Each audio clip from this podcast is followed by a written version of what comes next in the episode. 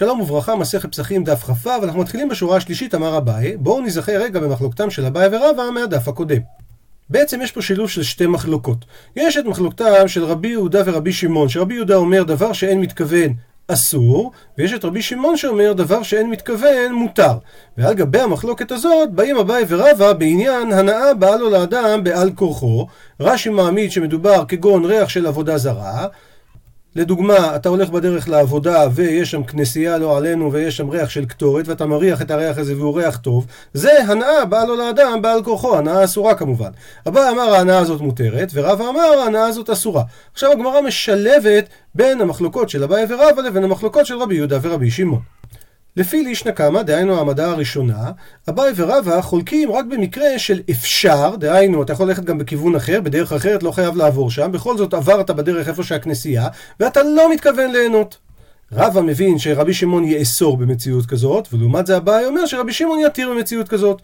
לפי הלישנה השנייה, המחלוקת של רבי יהודה ורבי שמעון, היא עצמה מדברת במציאות שאפשר ללכת בדרך אחרת ואתה לא מתכוון ליהנות, שבזה רבי יהודה אמר ש... אסור, ורבי שמעון אמר שמותר. במה נחלקו אביי ורבא, זה איך להסביר את רבי יהודה במציאות שאתה לא יכול ללכת בדרך אחרת, ואתה כן מתכוון ליהנות. שאביי מבין שרבי יהודה יתיר, בגלל שאין לך יכולת ללכת במקום אחר, ולעומת זה רבא אומר שרבי יהודה אוסר. ועכשיו אביי מביא מה המקור לשיטתו. אמר אביי, מנה אמינא לה, מיכן אני אומר, דתניא, ששנינו. אמרו עליו על רבן יוחנן בן זכאי, אותו אחד שאחרי החורבן מבקש את יבנה וחכמיה, אז כאן אנחנו מדברים עוד ממש לפני החורבן, שהיה יושב בצילו של היכל, ודורש כל היום כולו. משהו שנראה מעין ככה, והצל של ההיכל בעצם הם יושבים בצל שלו, והוא מגן עליהם מהשמש. ואנחנו מדברים בבית שני, שההיכל בבית שני הגובה שלו היה 100 אמה, סדר גודל 60 פלוס מטר, וצילו הולך למרחוק מאוד ברחוב שלפני הר הבית, ומתוך שרחוב גדול היה ומחזיק בני אדם הרבה, היה דורש שם מפני החמה. למה? כי אין לך בית מדרש כזה גדול, לא היה להם אצטדיון טדי, אז הם היו צריכים לשבת שמה. ואומר אביי, וההכה זה נחשב לא אפשר, כי הרי אי אפשר להימנע מלדרוש לרבים הלכות החג, וזה נחשב מכוון, כי הרי הוא מכוון ליהנות מהצל של ההיכל, והדין הוא ששרי. אז אם ככה, לא אפשר ומתכוון, לפי רבי יהודה, שרי. מה רבא יגיד על זה? ורבא אמר, שני היכל דלתוכו עשוי. דהיינו, בונים את הבניין בשביל אלה שיעמדו בפנים, לא בשביל אלה שיעמדו בחוץ. וממילא אין הנעת צילו נאסרת, למה? כי זה לא דרך הנעתו. ממשיכה הגמרא, ורבא אמר, מה המקום לשיטתו? אמר רבא, מנע אמינא לה, מהיכן המקור לדבריי, דתנן ששנינו. לולים היו פתוחים בעליית בית קודשי הקודשים, הכוונה הייתה איזושהי ערובה מהעליית גג מעל קודש הקודשים, שהייתה יורדת לתוך קודש הקודשים, שבהם, דהיינו שדרכם, היו משלשלים את האומנים בתיבות כדי שלא יזונו עיניהם מבית קודשי הקודשים. כשיש צורך בבדק בית, מורידים את האומן, אבל שמים לו תיבה כדי שלא יזונו עיניו, כדי שהוא לא יסתכל בשום דבר אחר, חוץ מאותו מקום שאותו הוא צריך לתקן. הוא מדייק רבה, והאחה, והרי כאן זה מציאות שלא אפשר, כי הרי אי אפשר שלא ירדו לתקן, וכמכוון, ומציאות כזאת שאם הוא היה מכוון זה היה אסור, ולכן היה צריך לתת אותם בתיבות כדי שלא יוכלו להסתכל לכיוונים השונים, ואז הם ייהנו, והדבר הזה הוא אסור. מה יענה אביי על ההוכחה הזאת? אומר אביי ותסברה? אתה באמת סובר שזו הסיבה שאסור? ואמר רבי שמעון בן פזי, אמר רבי יהושע בן לוי משום בר קפרא, קול ומראה וריח, שלושה דברים, כן? קול של כלי השיר שהם הקדש, המראה של הקודש מבפנים, והריח של הקטורת, אין בהם משום מעילה, אלא מעלה אסור בבית קודשי הקודשים. מסביר רש"י, אין בהם משום מעילה בשלושת הדברים האלה, שמהתורה אין בהם מעילה. למה? כי אין בהם ממש, אין בהם ממשות. וכיוון שמדאורייתא זה בעצם מותר, אז אם ככה, במציאות מאולצת, דהיינו במציאות של לא אפשר, כגון במקרה הזה, למה הצריכו בכל זאת רבנן? כי זה מעלה בעלמא שהם עשו בגלל העניין של בית קודשי הקודשים. אומרת הגמרא, איכא דאמרי, יש אומרים גרסה נוספת לדברים של רבא, אמר רבא, מנע מנהלה, מהיכן אני מסתמך, על איזה דבר? דתניא ששנינו, אמר רבי שמעון בן פזי, אמר רבי יהושע בן לוי, משום בר קפרא. כל הוא מראה וריח, אין בהם משום מעילה. מדייק רבא, מעילה הוא דלקה, מעילה דווקא זה דבר שאין. האיסורא איכא, אבל כן יש בזה איסור. ולמי יש את האיסור? מה אליו? האם אין את האיסור לאותם העומדים בפנים? ואותם העומדים בפנים, דהיינו בתוך ההלכה לעשות עבודה, הם הרי באים לשמש את עבודת הקודש. וזה מציאות שלא אפשר מלעמוד שם. אין מציאות לעבוד בפנים בלי לעמוד שם, ובכל זאת... דייק רבה שאיסור יש בדבר. אז אם ככה, אם הוא כמכוון ליהנות מהדברים האלה, הוא יהיה אסור. אז הנה הוכחה למציאות שלא אפשר, שהוא מתכוון ויהיה אסור, כמו שרבא אומר. תגובת הבעיה לעניין, לא, לאותם העומדים בחוץ. דהיינו, הדיוק שאתה רבא עשית בדברי בר קפרא שאין מעילה אבל יש איסור, זה לאנשים שעומדים מחוץ להיכל. אבל מי שעומדים בפנים, אפילו איסורה אין בדבר. הזכרנו את העדות של בר קפרא, פותחת הגמרא סוגריים ודנה בדברים. גופה, אמר רבי שמעון בן פזי, אמר רבי יהושע בן לוי משום בר קפרא, קול ומראה וריח אין בהם משום מעילה. שואלת הגמרא, וריח אין בו משום מעילה? והתניא והרשנין המפטם את הקטורת. אז זה תלוי. אם זה להתלבד בה או למוסרה לציבור, הוא פטור, אבל אם להריח בה, זה חייב. והמריח בה ולא מכין אותה, הוא פטור, אלא שמעל. מסביר לנו רש"י את המקרים. מי שמפטם את הקטורת, קטורת זרה, אנחנו אומרים בתפילה כל יום, פיתום הקטורת, 11 סממנים בה, אז הוא עושה בדיוק את הדבר הזה, והמטרה שלו זה להתלמד בה, או למסור אותה לציבור אחרי שהוא יכין אותה, אחרי שהוא יפטם אותה. אז זה, הוא לא חייב כרת על הדבר הזה. אבל אם דעתו להצניע את זה לצורכו, כדי שהוא יוכל להריח בה, ואם הוא עושה אותה בדיוק כמו הסימנים שכתובים בתורה, אז הוא יהיה חייב כרת, כי כתוב בתורה, איש אשר יעשה כמוה להריח בה, ונכרת. ומי שמריח בה, דהיינו את הקטורת של הציבור, הוא פטור מכרת ומחטאת, למה? כי לא חייבה התורה, אלא רק את מי שעושה את זה, מי שמפטם להריח. אבל מי שלהריח בפני עצמו, הוא לא כרת, אין לו חיוב כרת, בכל זאת אלא שמעל. למה? כי הוא נהנה מהקודש, ועל זה הוא מביא קורבן שנקרא אשם מעילות. וממילא שאלת הגמרא, איך בר קרפא אמר ש... ריח אין בו משום מעילה, והנה אנחנו רואים שמי שמריח את הקטורת הוא מעל. עונה הגמרא, ניסיון ראשון של תשובה, אלא אמר רב פאפא, ככה צריך להסביר את דברי בר קפרא. כל הוא מראה אין בהם משום מעילה, למה? כי אין בהם ממש, אין בהם ממשות. לעומת זאת, וריח, לאחר שתעלה תמרתו, אין בו משום מעילה, למה? הואיל ונעשית מצוותו. מסביר רש"י, ריח יש בו ממש בסממנים, ולכן הוא יהיה חייב באמת. מדכאמר רבי יהושע שהוא פטור, הוא התכוון אחרי שתעלה תמרתו במקדש, הוא התכוון ששם נעשית מצוותו. אחרי שנעשית מצוותו, יותר אין בזה צורך גובה, גבוה, כן? יותר צורך ל... קודש, וממילא זה יצא מכלל קודשי השם. והברייתא שאמרה שהוא מעל, מדבר על מריח בה בביתו, שהוא נותן ממנה על הגחלים. ותמרתו, הכוונה היא עמוד של העשן. שואלת הגמרא על תשובתו של רב פאפא, למימרא אתה רוצה לומר, דכל איכה שכל מקום שנעשית מצוותו, אז כבר אין בו משום מעילה? והרי תרומת הדשן. אחרי שכל הלילה שורפים את האיברים על המזבח, אז כל הדשן שמתאסף בבוקר מנקים שם ושמים אותו אצל המזבח. אז אחרי שעושים זה, דנעשית מצוותה, ויש בה בכל זאת משום מעילה. תכתיב, כתוב בפסוק, בואו נקרא בפנים. ולבש הכהן מידו בד וכנסי בד ילבש על בשרו, והרים את הדשן אשר תאכל האש את העולה על המזבח, ואת הדשן הזה, ושמו אצל המזבח. ומדייק את הגמרא, מזה שכתוב ושמו, כן, שם אותו אצל המזבח, שלא יפזר, ושמו שלא יהנה. דהיינו, גם אחרי שעשית את תרומת הדשן, בכל זאת יש בזה מעילה, אז זה סותר את מה שאמר רב פאפא. עונה הגמרא, זה לא סותר. למה? משום דאב הוא תרומת הדשן ובגדי כהונה, שני כתובים הבאים כאחד, וכל שני כתובים הבאים כאחד אין מלמדים. בגדי כהונה, הכוונה ארבעה בגדי לבן שהכהן הגדול נכנס בהם לפני ולפנים ביום הכיפורים, והם אסור שוב להשתמש בהם, כמו שכתוב, והניחם שם.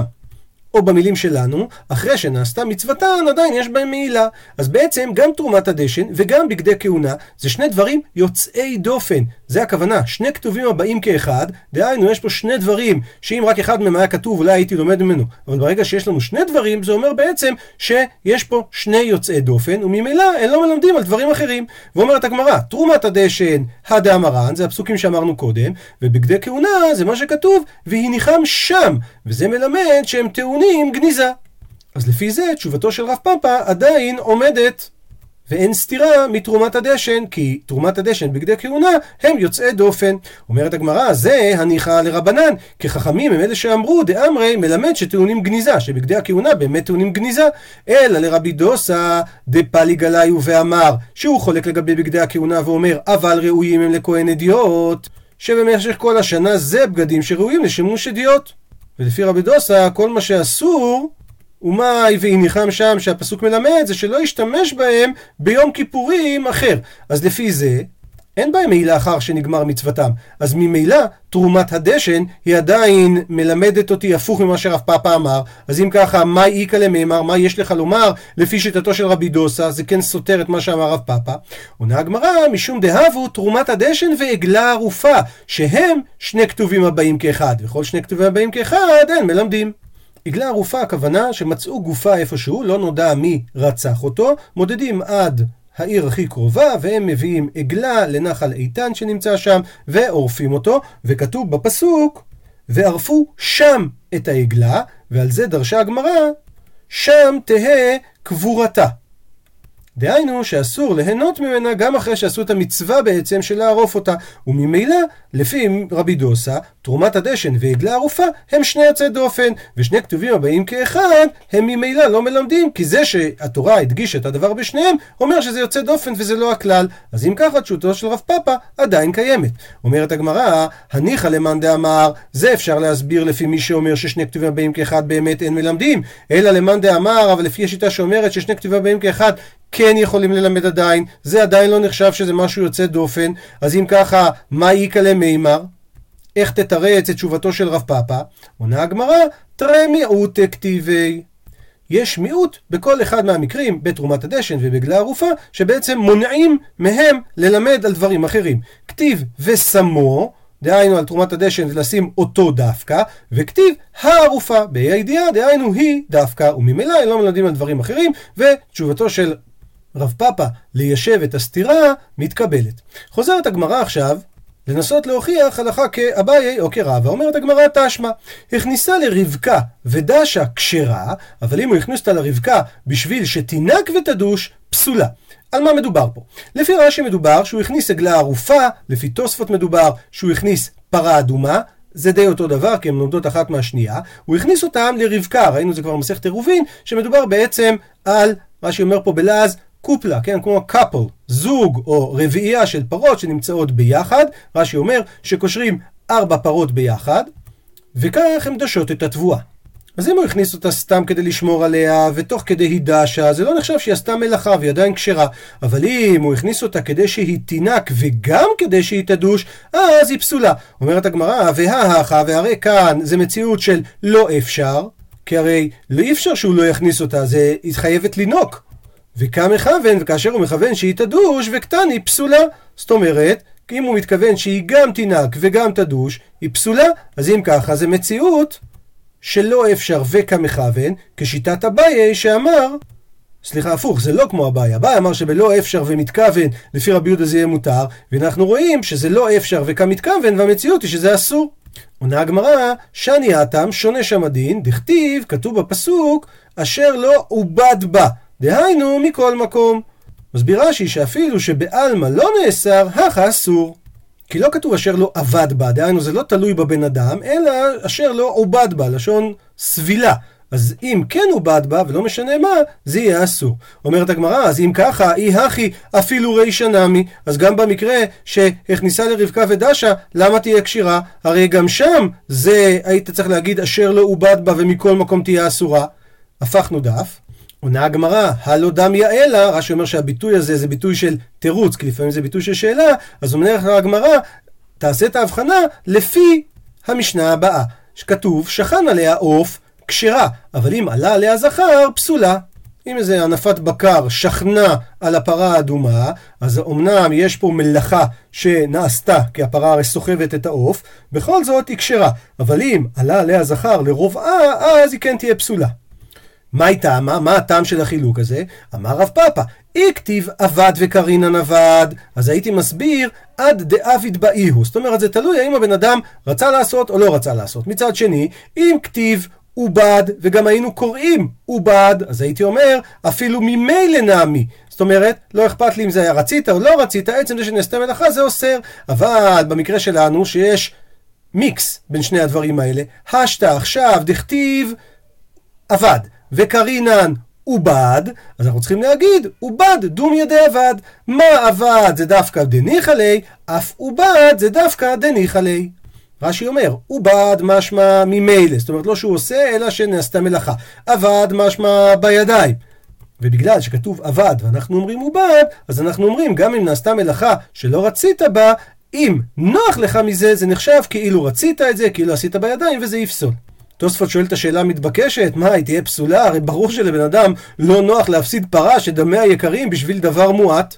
אנחנו זוכרים את הסיפור מכל עשו חכמינו על דמה בנתינה, כמה היו מוכנים לשלם על זה. סך הכל, בכל ההיסטוריה שלנו היו תשע פרות אדומות, אחת בזמן ממשה עד סוף בית ראשון, ואחר כך עוד בבית שני, היו מוכנים לשלם על זה כמעט כל דבר. אז מה, בגלל שזכר עלה עליה, האדם ירצה את זה? לכן מסביר תופות, שאם היינו אומרים שהיא כשרה, אז ברור נוח מזה שאולי יהיה לה צאצאים. נו, אז ממילא כנראה שנוח לו מעצם העניין ולכן אסרו את זה. עוברת הגמרא לתשמע הבאה. תשמע, בוא שמע הוכחה אחרת.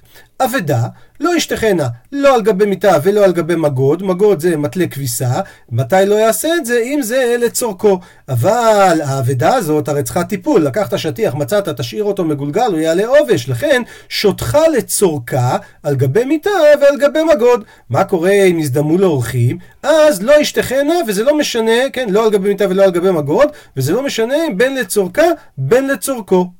מסביר פה רש"י את השאלה של הגמרא. אם ככה, הרי אם זה לצורכה, אז זה מציאות שלא אפשר, כי אין לך מציאות ברירה אחרת, אתה צריך לעשות את זה. אבל בכל זאת, הואיל והוא מתכוון להתכבד בשל חברו על ידי האורחים, אז חשיב גזל, ויהיה אסור לעשות את זה. וממילא זה הוכחה למקרה שלא אפשר, ומתכוון, ואסור, דהיינו כשיטת רבא. עונה הגמרא, שאני הטעם שונה פה הדין דקלילי, דהיינו הוא ממש שורף את זה בככה שהוא משתמש בזה. למה? או אם משום אין הבישה, או בגלל עין הרע של האורחים, אם משום גנבי, דהיינו, זה לא בגלל הכוונה שלו, אלא משום שבזה שהוא שוטח אותה, הוא ממש מאבד אותה בידיים, או בגלל, כמו שאמרנו, עין הרע, או בגלל שהאורחים אולי ירצו גם להשתתף קצת בדבר הזה, ויגנבו את זה, וממילא הוא מזיק אותה בידיים, וזה הסיבה שזה אסור, ולא בגלל שלא אפשר ומכוון אסור. עוברת הגמרא להוכחה האחרונה בעניין הזה. מוכרי כסות מוכרים כדרכם, ובלבד שלא יתכוון בחמה מפני החמה ובגשמים מפני הגשמים. והצנועים מפשילים לאחוריהם במקל. במה מדובר? מוכרים שמוכרים כלאיים. כלאיים כל הבעיה היא ללבוש את זה, אין שום בעיה למכור את זה לגוי או משהו בסגנון. אז מותר להם ללבוש את הדבר הזה ולדגמן אותו אם הם לא מתכוונים להנאת לבישה. והצנועים, דהיינו הפרושים שמתרחקים מהכיעור ומהדומה לו, הם היו שמים את זה על קולב וכנראה קצת מפסידים לקוחות, אבל עושים את זה באופן הזה. מדייקת הגמרא, והאחה דאפשר, למיבד כצנועים, הרי זו מציאות של אפשר, כי אתה יכול לעשות את זה על ידי הקולב, וכי לא מכוון שרי. ובכל זאת, מותר לך ללבוש את זה רק אם אתה לא מתכוון ליהנות, כן? לא בחמה מפני החמה, לא בגשמים מפני הגשמים. אז אם ככה, זה טיובתא למאן דמתנה לישנא קמא דרבא טיובתא, דהיינו, זה דחייה סופית למי ששנה בלישנא קמא את שיטת רבא. שאמר שבמציאות של אפשר ולא מתכוון יהיה אסור אפילו לרבי שמעון, כי פה אנחנו רואים שמותר, ולכן חייבים להגיד שכנראה מדובר על רבי שמעון, כי אין לנו מישהו אחר שיגיד את הדעה הזאת. סיימנו כרגע עם אה, הלכות איסורי הנאה, ואנחנו חוזרים למשנה שאמרה, ולא יסיק בו בחמץ את התנור את הקריים. תנור הבנן שנינו, תנור שהסיקו בקליפי עורלה או בקשין של כלי הכרם, אם התנור הזה הוא חדש, הדין שלו שהוא יוטץ, צריך לשבור אותו, ואם התנור הזה הוא ישן, יוצן, מהמילה לצנן, דהיינו לקרר אותו. מה קורה אם הוא עפה בו את הפת בתנור הזה? רבי אומר, הפת אסורה, וחכמים אומרים, הפת מותרת. ואם בשלה על גבי גחלים את הפת, דברי הכל מותר. בואו נראה ברש"י מה המציאות. מי שהעסיק בקליפי עורלה זה קליפי אגוזים ורימונים שהם גם נחשבים בכלל הפרי והעורלה הם יהיו אסורים. אותו דבר קשים של כלאי הכרם, כן, משום כלאיים. אז אם התנור הוא תנור חדש, ובחרס, על ידי ההיסק הזה, הוא נגמר ומתקיים, ולכן הדין שאין ברירה אלא לנפץ אותו. לעומת זאת, תנור ישן, ההיסק הזה לא מועיל לו, אלא רק העניין הוא שהוא אופה בו את הפת, אז ממילא אסור לאפות בו את הפת, צריך לחכות עד שהוא יצטנן, כדי שלא לאפות בהיסק הזה. אם בכל זאת הוא אפה בו את הפת בהיסק הזה של האיסור, ומדובר שהייתה אבוקה כנגדו, זאת אומרת הייתה אש ממש כל זמן שהפת הייתה בתנור, אז יש מחלוקת. רבי אומר שהפת אסורה כי הוא אומר שיש שבח של עצי איסור בפת. לעומת זה, חכמים אומרים אין שבח עצים בפת ממש.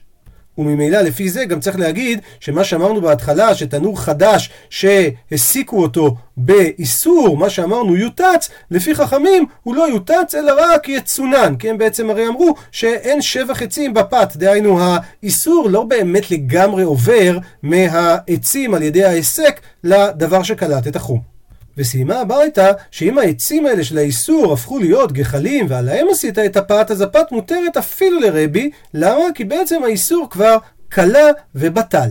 ועכשיו שואלת הגמרא, והתניא, והרי יש ברייתא שאומרת בין חדש ובין ישן יוצן, דהיינו לא יוטץ אלא רק יוצן, דהיינו יתקרר.